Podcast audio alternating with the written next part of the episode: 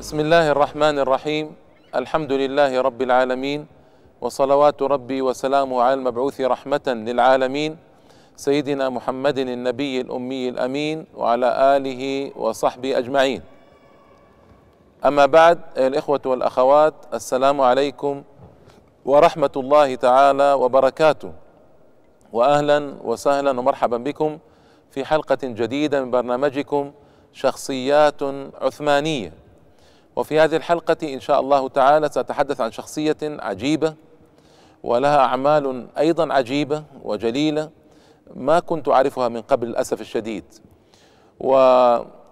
ومشكلتنا نحن المسلمين أن أكثر عظمائنا وأبطالنا وقوادنا لا نكاد نعرفهم. وما أدري لماذا. لأنه ليس عندنا إعلام. لأن إعلامنا إعلام راقص. إعلام تمثيليات وأفلام وكرة وسفاسف ودنايا؟ هل هذا هو السبب؟ ما أدري والله. لكن كثير جدا من أعلامنا وعظمائنا وكبارنا وقوادنا لا نكاد نعرفهم الإخوة والأخوات ولم نكد نسمع باسمهم. بل أصدقكم القول حتى أكون صادقا معكم يعني القضية تحتاج إلى إلى صدق تام. أن بعض هذه الشخصيات التي أذكرها لكم الآن بعض هذه الشخصيات في هذه الحلقات لم أسمع بها من قبل قط. نعم هي عدد قليل بالنسبة لمهتم بالتاريخ مثلي لكن يبقى لم أسمع بها ولم أسمع باسمها قط. هذا شيء عجيب. ونحن تاريخنا فيه عشرات بل مئات الآلاف من العظماء الذين سجلت حياتهم وتواريخهم.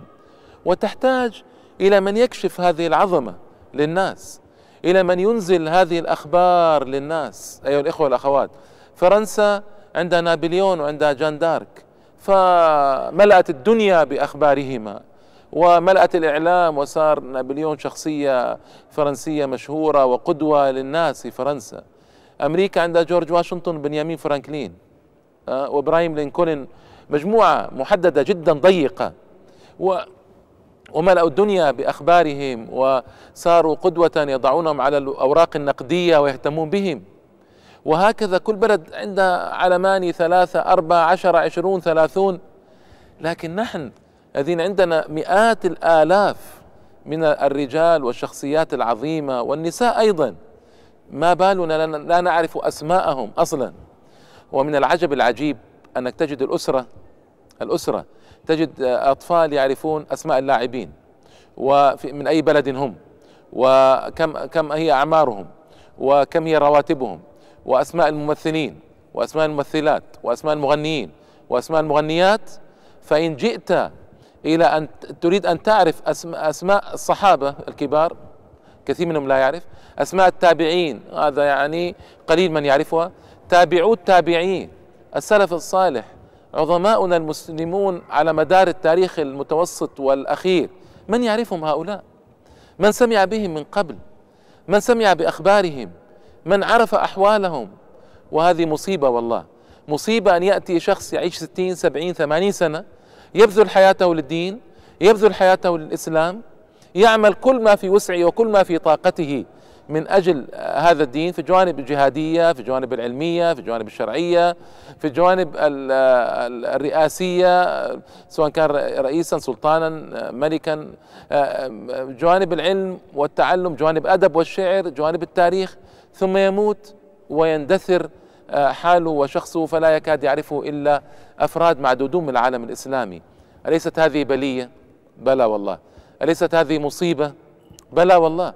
فلذلك علينا أن نعمل وأن نجتهد من أجل إيصال هذه الشخصيات للناس. فاليوم أتحدث معكم عن شخص أنا شخصيا ما سمعت بمثلي باسمه قط قبل أن أقف على اسمه ضمن الأسماء العثمانية التي ينبغي أن توضع في هذه الحلقات وهو أحمد محي الدين أحمد ابن محمد أو ابن الحاج محمد القرماني العثماني. المشهور في التاريخ عندنا وعند الأوروبيين والغرب ببيري رئيس. بيري رئيس. بيري رئيس ولد سنة 1465 أو 1470 اختلفت الأقوال. وتوفي سنة 1556 يعني أنه عاش قرابة 90 سنة رحمة الله تعالى عليه. ولد في جاليبولي وجاليبولي مدينة بحرية. افتتحت افتتح السلاطين العثمانيون الأولون وهي يقول عنها ابن كمال باشا في تاريخه يقول هذه المدينة أولادها وأهلها يعيشون في البحر كالتماسيح وأسرتهم هي السفن وتدهدههم القوارب والأمواج. الدهدهة عندما الأم تأتي تدهده أولادها ليناموا تدهدههم هذه الدهدهة فتدهدههم القوارب والأمواج وأسرتهم هي السفن ويعيشون في البحر كالتماسيح. فإذا آه، بطلنا هنا بيري رئيس عاش في البحر سبع سنوات الأولى من حياته وكان له عم مشهور غاية الشهرة وكان من أصحاب خير الدين بربروس وعروج آه اللذين ذكرتهما لكم في حلقة سابقة. آه آه أمير البحار هذا خير الدين بربروس وأخوه عروج من عظماء المسلمين. فعمه كمال رئيس يشكل الثالث العظيم الثالث لهذين الاثنين يكملهما يكمل عظمتهما وعملهما في شمال إفريقيا. كمال رئيس ابن أخيه هو بيري رئيس. بيري رئيس أحمد بن محمد القرماني محي الدين رحمة الله تعالى عليه. نشأ آه، بيري رئيس في كنف عمه كمال رئيس. وكان يخرج مع عمه كمال رئيس من أجل المشاركة في الغزوات البحرية مما اكسبه خبرة جليلة وعظيمة جدا. كمال رئيس مشهور كما قلت لكم معروف لذلك اكتسب الشهرة من عمه. آه، وكانوا يغيرون على سواحل سردينيا وكورسيكا وصقلية وهو بنفسه أوكل إليه السلطان الإمارة البحرية في مصر. بعد أخذها فاستطاع أن يحمي الشواطئ البحر الأحمر وشواطئ الخليج العربي من القراصنة البرتغاليين. فخلص عدن منهم وذهب إلى مسقط وحاصرها وأخذها وهذه خطوة جريئة وقوية. وحاصر قلعة هرمز لكن لم يكتب له فتحها. لم يكتب له فتح قلعة هرمز. هنا يا الإخوة والأخوات آه، حصل آه، في الحقيقة شيء عجيب في حياته. انشغل بعلم الجغرافيا كما يقولون. فكتب كتابا عن البحرية رائعا ورائعا جدا. وفي الوقت نفسه رسم خرائط للعالم. الذي أدهش العلماء اليوم آه هذه دقة هذه الخرائط على وجه عجيب. دقتها إلى الغاية التي ليس بعدها غاية. سأورد لكم بعض النصوص المهمة في هذا الباب.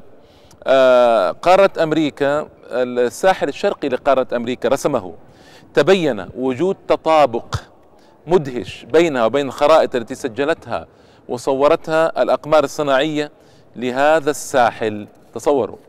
وهو من أهل القرن العاشر هجري سادس عشر ميلادي. وهذه الخريطة أوقعت علماء الغرب في ورطة كبيرة. هم كانوا يقولون أن كولومبوس هو مكتشف أمريكا.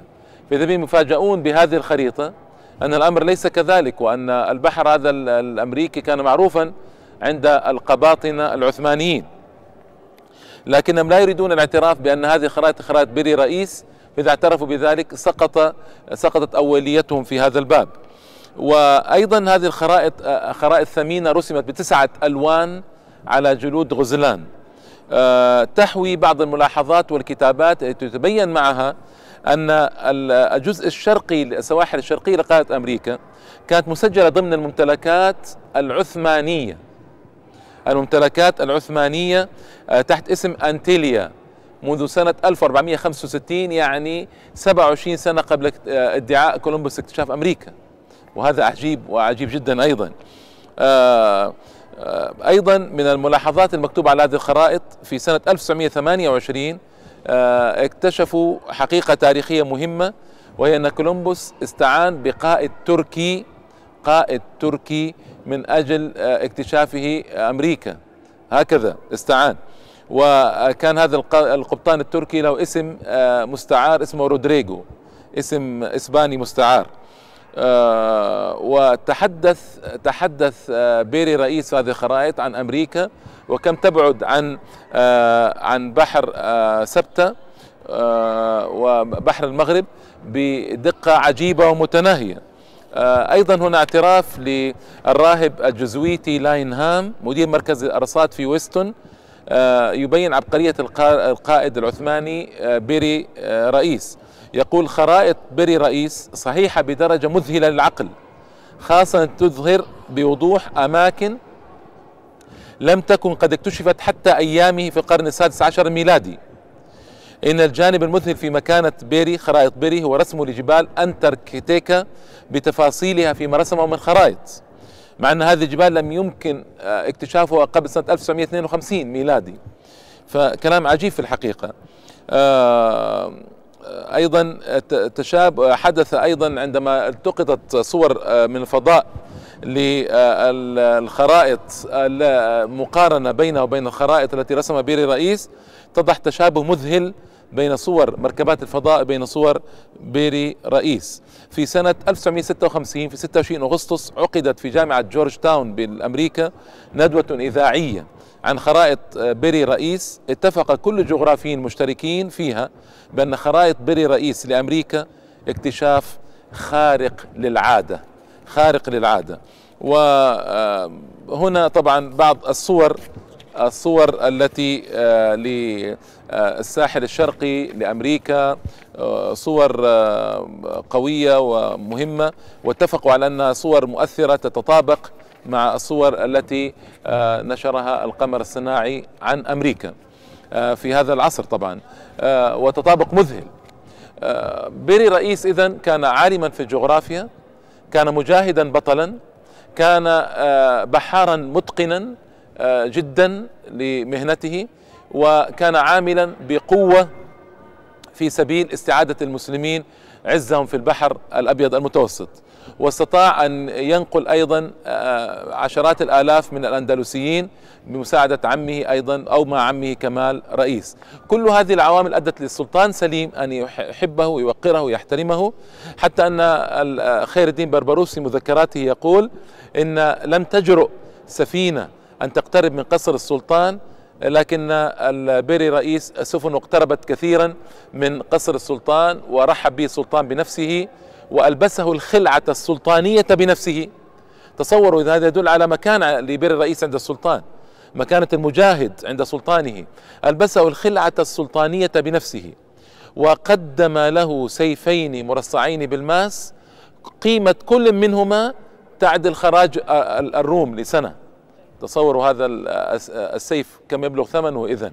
وأعطاه الملابس الغالية وألبسه إياها. ووقره واحترمه جدا. بيري رئيس كان قد أعطى بعض الهدايا لوزراء العثمانيين. هذه المقابلة تدل على احترام الوزراء العثمانيين واحترام السلطان واحترام رئيس الوزراء الصدر الأعظم لبيري رئيس. أين نحن من بيري رئيس؟ لماذا لم نكتشفه؟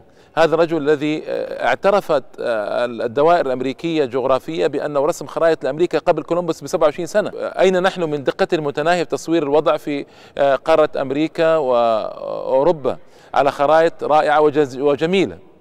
إذا نحن المسلمين مسؤوليتنا ضخمة في هذا الباب في تعريف الأجيال بعظمائها وكبارها. أسأل الله أن يكون ذلك قريبا. إلى اللقاء أيها الإخوة والأخوات في الحلقة القادمة. والسلام عليكم ورحمة الله تعالى وبركاته.